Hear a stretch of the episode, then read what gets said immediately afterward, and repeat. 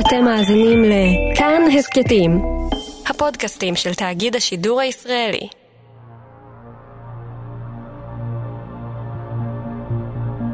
לא הרבה יכולים להגיד שאת העבודה שלהם אפילו קוף יכול לעשות. ג'יימס וייד דווקא כן. במשך תשע שנים, בבון עשה עבורו את העבודה. בשנת 1877 איבד ג'יימס את שתי רגליו בתאונה מחרידה. הוא עבד כשומר בחברת הרכבות הממשלתית באפריקה הדרומית. היה לו מנהג שכזה לקפוץ מרכבת נוסעת אחת לשנייה. בגלל זה הוא זכה לכינוי ג'אמפר, וכן, ככה הוא גם איבד את רגליו. פעם אחת הוא פספס רכבת, נחת על המסילה ולא הספיק לברוח בזמן לפני שרכבת אחרת, במשקל 80 טון, הגיעה וריסקה את רגליו. ג'יימס הפך חסר תועלת לחברת הרכבות, אז הוא גילף לעצמו שתי רגליים מעץ והתחנן שיחזירו אותו לעבודה. הפעם הוא עבד כסמן, זה שאחראי להחליף בין המסילות בהתאם לקווי הנסיעה. רוב העבודה הייתה לשבת על כיסא, אבל כדי להגיע למקום הוא נאלץ לבנות לעצמו עגלה קטנה. עד שבשנת 1881 הוא נתקל בקוף בשוק המקומי. הבעלים שלו סיפר לו שחוץ מזה שקוראים לו ג'ק, הוא טוב במיוחד בדחיפה ומשיכה של מסעות כבדים. נשמע חלום. ואכן, בהתחלה ג'יימס לימד את ג'ק לדחוף את העגלה שלו. לא עברו ארבעה ימים, וג'ק הבבון הצליח להבין עוד כמה משימות שג'יימס עשה כדרך קבע, והוא החל לעשות אותן במקומו. הוא אפילו הבין איך ומתי להחליף בין מסילות הרכבת בהתאם לצפירות הקטרים השונות. עד מהרה הפך ג'ק לדמות מוכרת בבקתת הסימון, והקטרים התרגלו לראות נחה וקוף עובדים יחד. אבל הנוסעים לא היו ממש מבסוטים מכך שקוף שולט בגורלם על הפסים, ואחרי שהוגשה תלונה, הצמד פוטר. כאילו, ג'יימס פוטר, הקוף הלך איתו. אחרי שכמה עובדים התערבו לטובתם וניסו לשכנע את ההנהלה כי הקוף בהחלט עשה עבודה טובה, החליטו בחברה לערוך לקוף מבחן. ג'ק צלח אותו בגאווה, והשניים קיבלו את מקום עבודתם שוב. כאילו, ג'יימס, הקוף גם הוא. הוא הפך לעובד מן המניין וקיבל 20 סנט ליום, שזה משהו כמו 5 דולר היום, קצבה יומית וגם בירה בסופי שבוע. לרוע מזלו, ב-1890 מת ג'ק משחפת, תשע שנים אחרי שהחל לעבוד. נשמע שג'ק היה קוף ממש חכם. אתם בטח מכירים בעלי חיים חכמים, או לפחות כאלה שנראים חכמים. חיות מחמד שמגיבות להוראות, בעלי חיים מאולפים, יונקים ימיים שיודעים לשיר, ואפילו להיות חברים זה של זה, ואפילו כאלה שיודעים לכאורה לעשות חישובים מתמטיים. לכאורה. אבל זו חוכמה קטנה. חוכמתם ותפיסתם של בני אדם נראית משהו נשגב יותר. ואף אחד מבעלי החיים לא מפגין אינטליגנציה מוסרית. אף אחד, חוץ משלושה קופים חכמים שאחראים לאמות המוסר שלנו.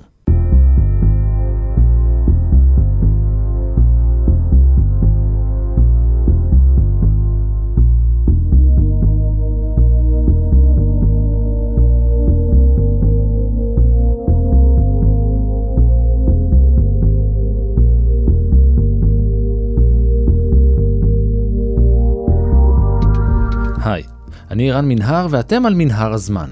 מדי פרק אנחנו מספרים לכם על מקרה שקרה בעבר מזווית שכנראה עוד לא הכרתם.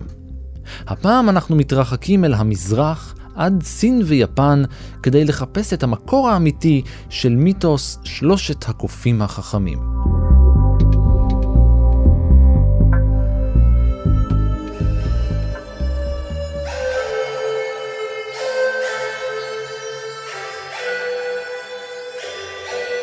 החיים ביפן שונים לחלוטין. הקיום האנושי משולב בעולם הטבע הסובב, בני האדם על האי היפני מתבוננים בטבע ומפנימים אותו, ואז מתבוננים פנימה אל תוך עצמם ומסיקים מסקנות.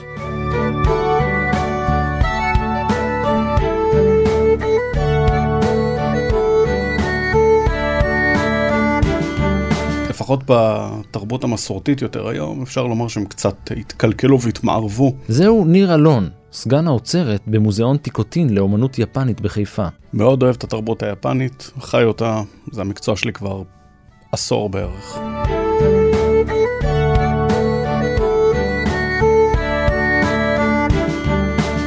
אבל אם מסתכלים על העת המסורתית, ממש עד המאה ה-19, היה כמה תפיסות תרבותיות לקיום שלנו כבני אדם בעולם, עם הנחת בסיס שכולנו, כמו בכל כל בן אדם אחר בעולם, כולנו זמניים לחלוטין, אין בנו שום צורך או משהו כזה, ואנחנו בעצם רק צריכים לנסות להשאיר מאחורינו איזשהו משהו שייזכר. אנחנו לא אמורים להיות משהו מאוד מאוד משפיע, אנחנו צריכים, מה שנקרא פשוט להשתלב, להמשיך עם הזרימה של הטבע ופשוט להתקיים כפי שניתן לנו. משווים את האדם בתרבות היפנית המסורתית אה, לעונות השנה, כדי להבהיר כמה הוא בר חלוף. האדם נולד באביב, הוא בשיאו בקיץ, הוא מזדקן בסתיו, והוא מת בחורף. לאחר מכן, כשמתחילה שנה חדשה, זה אדם אחר לגמרי, שעובר את אותו תהליך, והאדם שעבר את העונות שמקודם, הוא פשוט כבר איננו. אה, מתוך כך גם צריך אה, לסגוד לטבע, שהוא גם חלק בלתי נפרד מהארעיות הזאת ומחלוף הזמן, אה, ובמדינה שבה יש לך 30 רעידות אדמה כל יום, גלי צונאמי פעם בכמה שנים, סופת טייפון הרסנית לפחות 15 פעם בשנה, מן הסתם שהתרבות תתפתח סביב הנושא של גם החוסר שלמות, גם שלכל אדם יש איזשהו מקום מסוים, וגם שכולנו פשוט עתידים לא להיות כאן.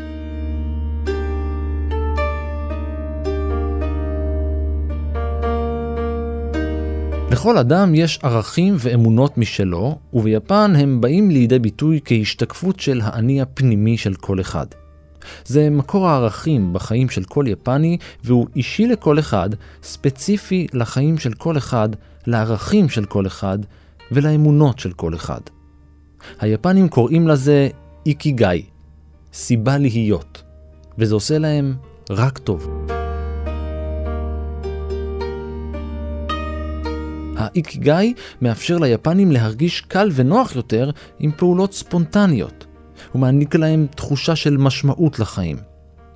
את העקרונות לפיהם חיים ביפן ארגנו היפנים בתמציתיות וקבעו סדרות של ביטויים המציגים את הרעיונות שלהם, המוסריים, הפילוסופיים, החברתיים. כל אחד מהכללים המתומצתים האלה בדרך כלל מניע לפעולה מאוד מסוימת. למשל, לנסות ולהימנע מעשיית רע. זה הרי מה שמבדיל אותנו מבעלי החיים, לא? ובכן, זה תלוי.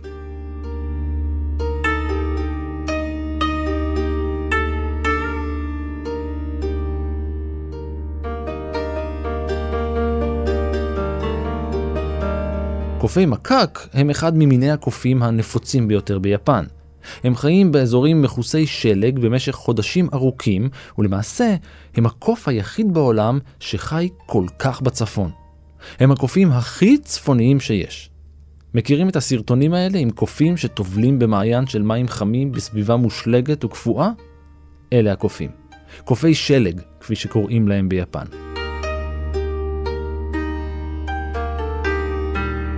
הקופים זה בעל חיים, ספציפית המקק או המקוק היפני, הוא אנדמי ליפן, אולי קצת רואים אותו באיים הקרילים ובאי סחלין שבמזרח אסיה, אבל מעבר לזה, רוב אוכלוסיית הקופים העולמית הזאת זה באמת ביפן, אנדמי לשם. זה הקוף היחיד בעולם שחי באזורים מושלגים, אה, אבל חוץ ממנו יש ליפן עוד כל מיני זנים מפורסמים של קופים, אה, ביניהם זן שמאוד מזכיר את קוף הסנאי הקטן שאנחנו רואים פה בפארקים גם בארץ. אה, הקופים במשך, נקרא לזה, אלפי שנים שהתרבות היפנית רק נוצרת ונולדת ומתגבשת, הקופים נתפסים כמשהו מאוד מאוד מקושר להר. לפרא, למקום הזה שהאדם במידה מסוימת לא אמור באמת להגיע אליו. הם מקושרים לאזורי הספר, לפסגות המושלגות, ליערות. עם הזמן, עם תרבויות זרות שלאט לאט נכנסות, הם מאוד מושפעים מהתרבות הסינית, שבה להרבה מאוד אה, אלים, רוחות רעות ושדים, יש מראה של קוף. הם בתורם מאוד מושפעים מאל המלחמה ההודי, שנראה כמו קוף, הנומן, הוא אל בדמוי אדם, שיש לו פשוט פנים של קוף, ספציפית בבון, אם אני זוכר נכון, וזה פשוט משפיע לאט לאט על כל האזור של מזרח אסיה עם התנועה של הבודהיזם, כך גם כל מיני אלילים נעים וזזים במרחב. מסין זה מגיע ליפן אה, במאה השישית, אה, והיפנים פשוט מאמצים הרבה מאוד תפיסות שיש כלפי הקוף. אה, רואים אותו כבעל חיים שמקושר להשכלה, אה, לאריכות ימים, לעליונות מסוימת רוחנית, נקרא לזה ככה. אה, יש להם בעצמם כל מיני, כמו שאמרתי, כל מיני שדים ורוחות משלהם שנראים כמו קוף. הדמות המפורסמת ביותר, שיכול להיות שהרבה מאזינים יזהו את השם דווקא מדרגון בול זי, זה דמות שנקראת סונגוקו, מלך קוף, שבתרבות הסינית הוא מעין אלה מחצה בדמות קוף שקרא תיגר על מלכות השמיים. הוא נענש בחיי נצח תחת אה, הר מאוד מאוד גבוה בסין, והוא נתפס כאישות שיודעת הכל, וחי לנצח. כל אדם שבעצם ייגש וימצא את מקום אה, משכנו, יוכל לבקש ממנו שאלה, תשובה לשאלה אחת. הוא יודע הכל על העבר, על ההווה ועל העתיד. בעצם הוא יכול לענות על הכל. אז זה ממש נכנס גם אל תוך התרבות היפנית, עם כל מיני סיפורי אגדות שם על uh, קופים חכמים, שמסמלים גם במידה מסוימת, uh, נקרא לזה עליונות רוחנית מסוימת, וידע מסוים, ורמה נשגבת של uh, תודעה. קופי המקק נקראים ביפנית ניאוזרו, שילוב של שתי המילים ניהון, יפן, וסרו, קוף, והם חלק מהנוף, מהטבע, מהתרבות ומהחיים ביפן.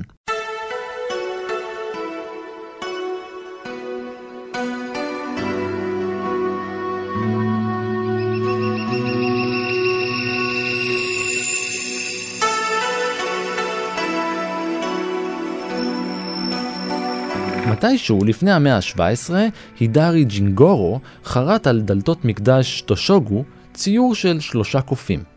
ככל הנראה הוא היה אומן. למה ככל הנראה? כי בכלל לא בטוח שהוא היה קיים. יש כאלה שטוענים שהוא באמת היה קיים, ויש כאלה שלא, אבל בכל מקרה כולם מסכימים שדמותו הייתה מעין ליאונרדו דה וינצ'י היפני. הוא היה פסל וצייר ושחקן וקומיקאי, הוא מספר סיפורים, הוא מורה לאומנות, הוא השאיר פסלים ותחריטים רבים של ישויות ואלילים בכל רחבי יפן, במקדשים הגדולים שלה ובאתרים חשובים.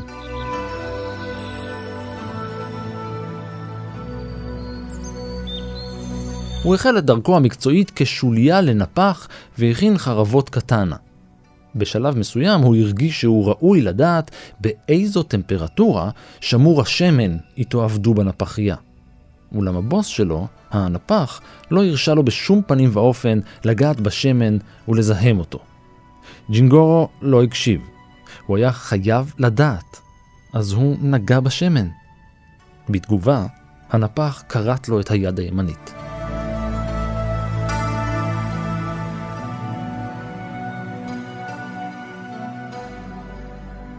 כשהבין שהוא כבר לא יכול להיות נפח, בכל זאת הוא צריך שתי ידיים כדי לחשל חרבות, הוא הפך לחניך של האדריכל הראשי הוקיו יוהיג'י יוסה. ממנו הוא למד את תורת בניית המקדשים והפיסול. ג'ינגורו עשה הכל ביד השמאלית וזכה לכינוי הידארי ג'ינגורו. הידארי, פשוטו כמשמעו, צד שמאל.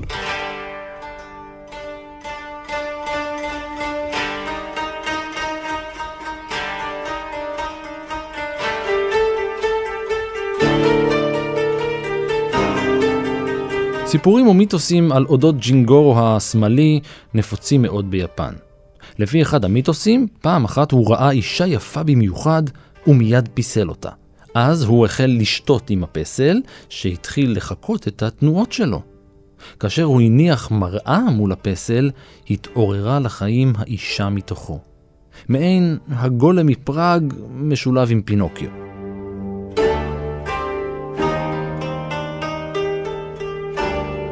לפי סיפור אחר, פסלים ונגרים אחרים התקנאו ביכולות של ג'ינגורו, תפסו אותו וחרטו את ידו הימנית. המון המון אגדות, ובאמת לא בטוח שהוא היה כל מה שאמרו שהוא. כמו שאמרת, זה הייתה דמות כזאת, כי מישהו אכן פיסל את כל הדברים, אבל להגיד שהוא באמת היה שחקן ומשורר וצייר וכל הדברים האלה, זה כנראה בדרך כלל כל מיני דברים שהדביקו לו כדי לפאר את הדמות שבעצם יצרה את היצירות המדהימות האלה. לפי אגדה אחרת, הוא גילף את התכרית על דלתות המקדש טושוגו בניקו.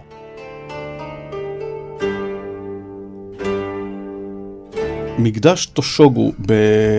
בניק... בעיר ניקו, שהיא נמצאת אה, צפונית לעיר טוקיו, אה, זה בעצם קומפלקס של מקדשים, אה, קברים ומתחמי קבר. זה לא מקדש אחד, זה המון המון המון מקדשים וקברים. זה מקום מנוחתם של השוגונים לבית טוקוגאווה, שושלת השוגונים האחרונה. לפני שהם עלו לשלטון כשושלת שוגונים, הם נקברו בעיר אדו, לימים היא תהיה טוקיו, אה, במקדש שנקרא זוג'ו ג'י, נמצא בלב העיר, שם בעצם קבורים כל מי שהיה לפני השוגון אייסו טוקוגאווה, שב-1600 היה הראשון לבית טוקוגאווה להיות, הש... להיות השוגון. מאז השושלת שרדה 260 שנים רצופות, כאשר מעבירים בעצם את השלטון מאב לבן, בעוד האב בחיים. זאת אומרת, אב בעודו בחיים מעביר לבן את השלטון על המדינה, ונשאר ברקע לפקח שעובר חלק ואין כל מיני אה, התנגדויות וריבים בין האחים. מתחם הקבר הראשון שנבנה בעצם בעיר ניקו, אה, נבנה על אה, גבעה חשופה שם בעיר. נשתלו סביב הגבעה עצי ארז, שקיימים בעצם עד היום, ארזים בני 400 שנה, והוא נבנה על ידי, הוא התחיל להיבנות על ידי הבן, בעוד האבא בחיים. האב אה, מת, הבן היה חייב להתחיל להתעסק רק ב, ב, בעצם בניהול המדינה, ואת מלאכת השלמת המקדש שהעבירו לנכד, ששמו יאמצו, הוא בעצם אה, המשיך את הבנייה של המקדש, הוא השלים אותה, היא הושלמה כשהוא בעצמו עלה אחר כך לשלטון. במתחם קבר הזה יושב אייסו טוקוגאווה, מייסד השושלת השוגונת, בקבר העליון ביותר, וסביבו יש פשוט הרבה מאוד אה, נקודות קבורה נוספות. ומה יש ביצירה של ג'ינגורו על דלתות המקדש? קופים, אלא מה?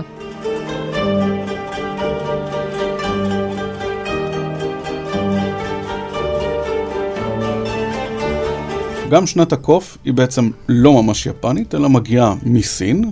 אה, כל גלגל בעצם, גלגל החיות האסייתי נולד בסין, אה, שכל שנה יש לה את המאפיינים שלה, ולאנשים שנולדים בה יש את המאפיינים שלה.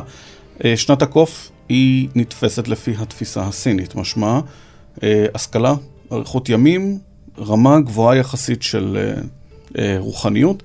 האדם שייוולד בשנה הזאת אמור להיות מאוד מאוד חכם, מאוד מאוד סבלני, סובלני, מקבל, סטגלן, ובסופו של דבר זה אמור להיות אדם שגם כנראה לפי הצפי של אותה שנה, יחיה שנים רבות בעצמו. השנה עצמה היא שנה, מה שמכונה במרכאות כפולות ומכובלות, שנה יציבה. זאת אומרת, לא אמור להיות בה איזשהו תהפוכות פוליטיות, מלחמות נוראיות או משהו בסגנון, אה, וזו שנה טובה מאוד אה, ללימודים, אה, לרכישת השכלה חדשה, מקצוע חדש, דברים כאלה.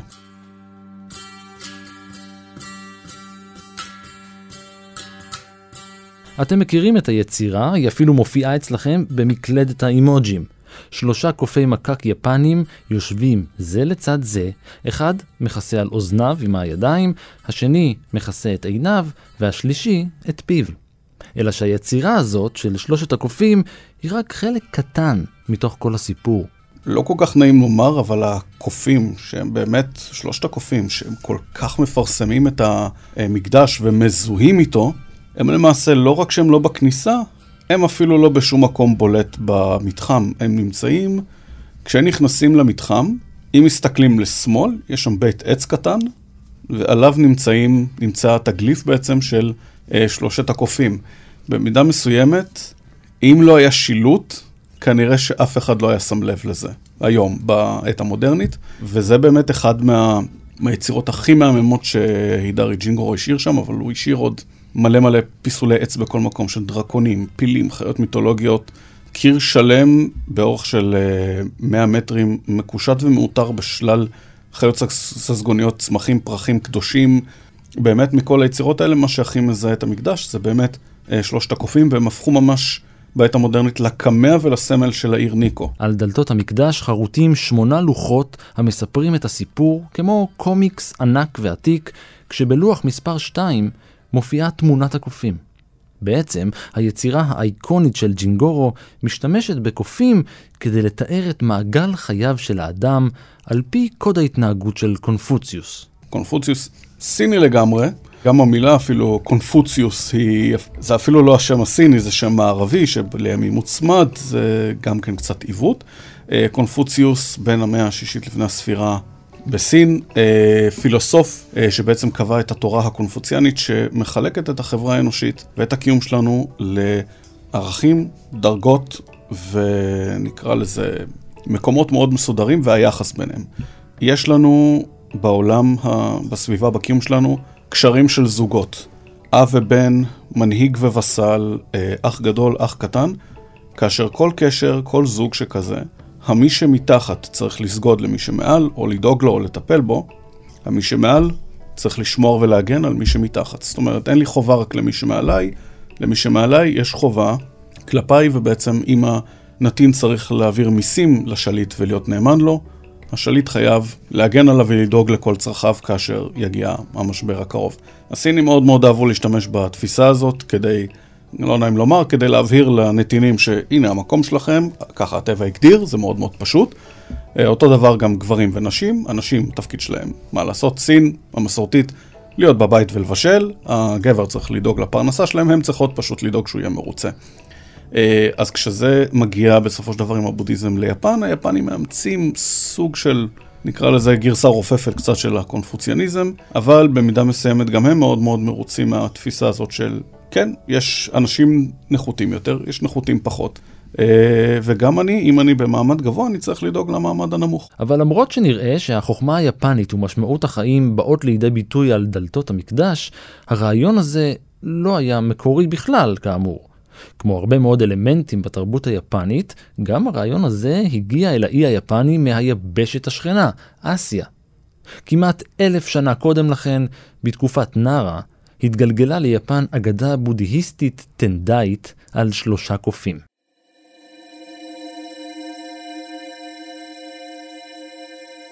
זה כת, זה דת, זה סיעה, זה קצת קשה להסביר. הבודהיזם הסיני שלעצמו הוא מאוד מאוד uh, מפוזר, מבוזר וקצת uh, לא ממש uh, אחיד.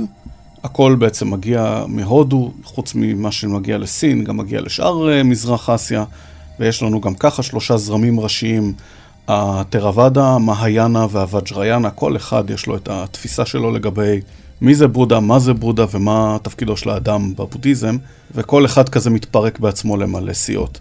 אז הסיעות כשהן מגיעות מסין אל יפן במאה השישית לספירה, הם פשוט הרבה מאוד, והיפנים כל אחד לוקח את מה שהוא רואה לנכון לקחת, אה, ובשלב מסוים כן צריך לעשות סדר בעניין. סיעת הטנדאי קובעת שהיא לוקחת את הסיעות הסיניות הספציפיות, כי חוץ מהן יש גם סיעות הודיות וסיעות מקומיות, והיא מחליטה שהיא פשוט אוספת את כולם ביחד, עושה איזה מין אישור קו, ועם זאת שומרת על גמישות כדי כל פעם לפזול אה, גישה אחרת. העשייה הזאת מדברת על, נקרא לזה אורח חיים מדיטטיבי בצורה מסוימת, אה, גם לזכור מבחינה קונפוציאנית את המקום שלך בעולם, לקיים טקסים כאלה ואחרים של הבודהיזם, אבל באמת שהרעיון המרכזי שלו הוא פשוט במידה מסוימת לאחד את הסיעות הסיניות. הטנדאי שו היה בית ספר בודהיסטי שנוסד ביפן בשנת 806 על ידי נזיר בשם סייצ'ו. על פי הטנדאי, שלושת הקופים מייצגים את שלושת העקרונות של בית הספר התיכון של הזרם. על פי קונפוציוס, הם מייצגים את היחס להגינות, לאמות מידה מוסריים. אל תסתכל על מה שמנוגד להגינות, אל תקשיב למשהו לא הוגן, אל תדבר מה שעומד בנגד להגינות, אל תעשה שום פעולה המנוגדת להגינות.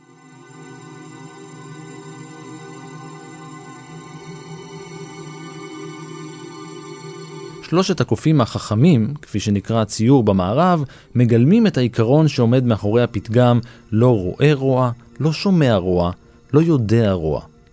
ישנן משמעויות שונות המיוחסות לקופים ולפתגם, כולל הרעיון לפיו שלושתם מסמלים רוח טובה, דיבור חיובי ונעים, ועשייה טובה ואחראית. מצד שני, לעיתים קרובות נעשה שימוש בשלושת הקופים כדי להתייחס למי שלא מתמודד עם המציאות ועוצם עיניים, אוטם אוזניים ולא נוקט פעולה. ככל הנראה, הבחירה לייצג את הערכים המוסריים האלה באמצעות קופים הייתה החלטה אומנותית. החלטה אומנותית ומשחק מילים.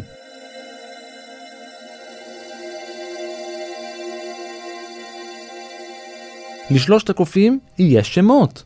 מיזרו, שמכסה את עיניו ואינו רואה רוע, קיקזרו, שמכסה את אוזניו ואינו שומע רוע, ואיווזרו, שמכסה את פיו ואינו מדבר רע.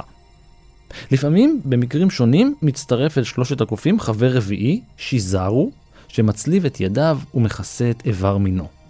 הוא מסמל את עקרון ההימנעות מעשיית רע. לפעמים הקוף הרביעי מכסה את אפו ולא מריח שום דבר.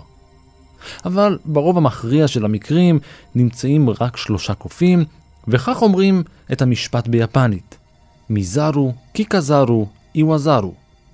לא לראות, לא לשמוע, לא לדבר. המילה עצמה, זרו, זה מעין שלילה של הפועל שבא לפניה, אז מי זרו, קיקזרו, איווזרו, זה באמת אכן אל תדבר, אל uh, תאזין ואל uh, תביט. Uh, סרו ביפנית זה קוף. וכשמחברים את שתי המילים של הרועה, מדבר, אחת מהמילים של הרועה מדבר ושומע אל המילה סרו, אז הסמך מקבל מעין אה, שייכות, הופך לזין, ואז זה זרו. ביפנית יש שם איזה קישור כזה של שייכות. ואז בעצם זה הופך לקוף רואה, קוף שומע, קוף מדבר. שיזרו אמור להיות אל תעשה וקוף שעושה. במערב אכן עיוותו את זה קצת ל... לא שומע, לא רואה, לא מדבר, זה נולד בערך מהכניסה השנייה של המערבים ליפן, שלראשונה ראו את הסמל הזה, אה, ובעצם אכן החליטו שטוב, הנה, מסתיר את האף, אה, מסתיר את הפה, מסתיר את האוזניים, מסתיר את העיניים. מנסה להימנע מלראות, להכיר, כי הוא פשוט מנסה להימנע מלהתערב, ועל כן זה הפך למין סמל נרדף כזה של... אה, בעיה של מישהו אחר, אני אכסה את העיניים, האוזניים והפה ואני לא קשור. ובביטוי הזה ביפנית, אין שום קשר לרוע או למוסר.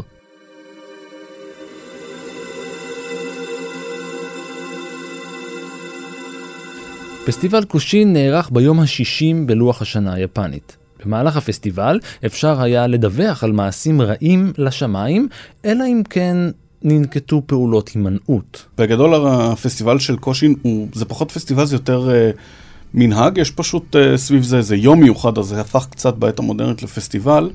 Uh, שם הקוף בעצם uh, משמש את, ה, את הקוד התנהגות הזאת של ה, אל תדבור רעות, אל תעשה רעות, אל תאזין לרעות, מעין מתן רשות לאדם כן לפלוט ממנו את כל הדברים הרעים האלה, ואז כשמגיע יום הקושין, היום השישים מתחילת השנה, כשהיא מתחלפת, אה, אז בעצם ביום הזה זה קצת מזכיר את יום כיפור שלנו. פשוט במקום לצום, הרבה מאוד uh, יפנים פשוט נוהגים להישאר ערים למשך הרבה מאוד זמן. בדרך כלל איזה 26 או 27 שעות, אני לא בטוח כל כך בזמן. בעצם ככה הם כן מסתגפים בצורה מסוימת מצד אחד, ומצד שני גם הם מאפשרים לדברים הרעים ולדברים הטובים להישאר אצלם. שלושת הקופים שאינם רואים, שומעים או מדברים, היו מה שאדם לא עשה בסדר במהלך 59 הימים שלפני הפסטיבל. לפי אמונה אחרת, בכל אחד מאיתנו שוכנות שלוש ישויות שדוניות שעוקבות אחרי המעשים שלנו, הטובים והרעים. בכל 60 יום הן עוזבות את הגוף בלילה ועולות לתת דיווח לאל הראשי שבשמיים, שמחליט מה לעשות עם הנתונים. הרבה מהמאמינים בזה פשוט נשארים ערים בלילה הזה.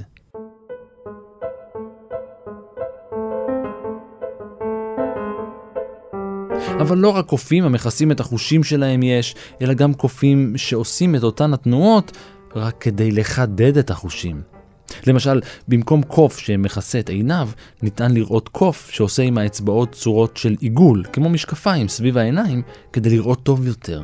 הקוף השני עושה מכפות ידיו אפרכסות לאוזניים כדי לשמוע טוב יותר, והקוף השלישי שם את כפות ידיו סביב פיו כדי להגביר את קולו. במבט ראשון נראה שהם לא ממש חכמים אם הם עושים את התנועות האלה, אבל בעצם הם מסמלים עקרונות אקטיביסטיים. שמע, ראה ודבר רק טוב. העניין הוא עם, ה, עם התפיסה של אל תעשה, במידה מסוימת זה מאוד מאוד מדבר אל הבודהיזם היפני של להיות יותר פסיבי, ולתת לדברים להתנהל כמו שהם. כמו שאמרנו, הטבע צריך פשוט להמשיך לזרום ולנוע כמו שהוא, והבודהיזם היפני לפעמים פשוט נורא מושפע מהשינטו. אז כל התפיסה של כן תטיף, כן תדבר, כן תאזין, כן... זה פשוט קצת יותר נוח בתרבות היפנית להיות טיפה יותר פסיבי. מפיצים במידה מסוימת, אבל בסופו של יום, כאשר אתה...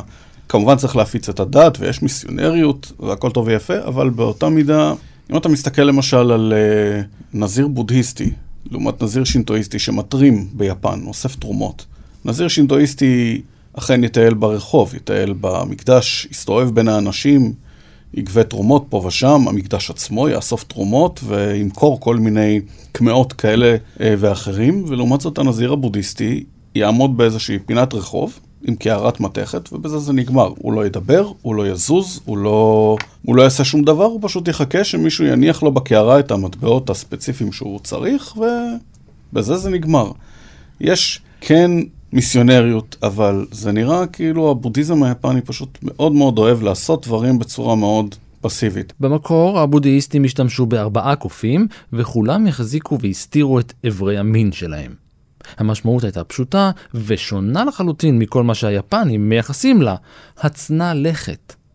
כדי להיות בודהיסט טוב ואדם טוב, יש להסתיר את ההנאות בחיים, להצניע את המאוויים ולא להציג אותם בפני כולם. במילים אחרות, אל תנקרו עיניים. אל תהיו קופים.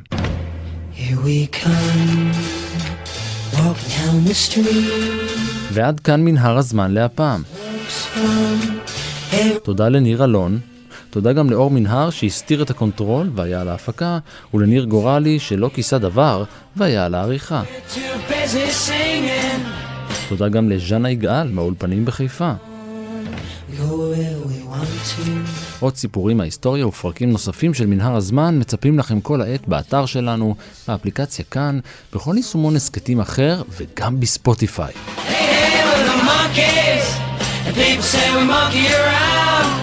אתם מוזמנים להמשיך ולעקוב אחריי ברשתות החברתיות, להגיב, להציע רעיונות, ובעיקר להתחבר. אני רן מנהר, נשוב וניפגש בפרק הבא.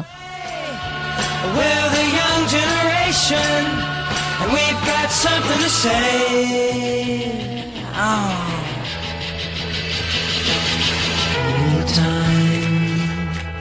or anywhere.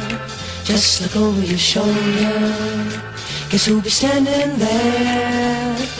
Hey, hey, we're the monkeys, and people say we monkey around, but we're too busy singing to put anybody down.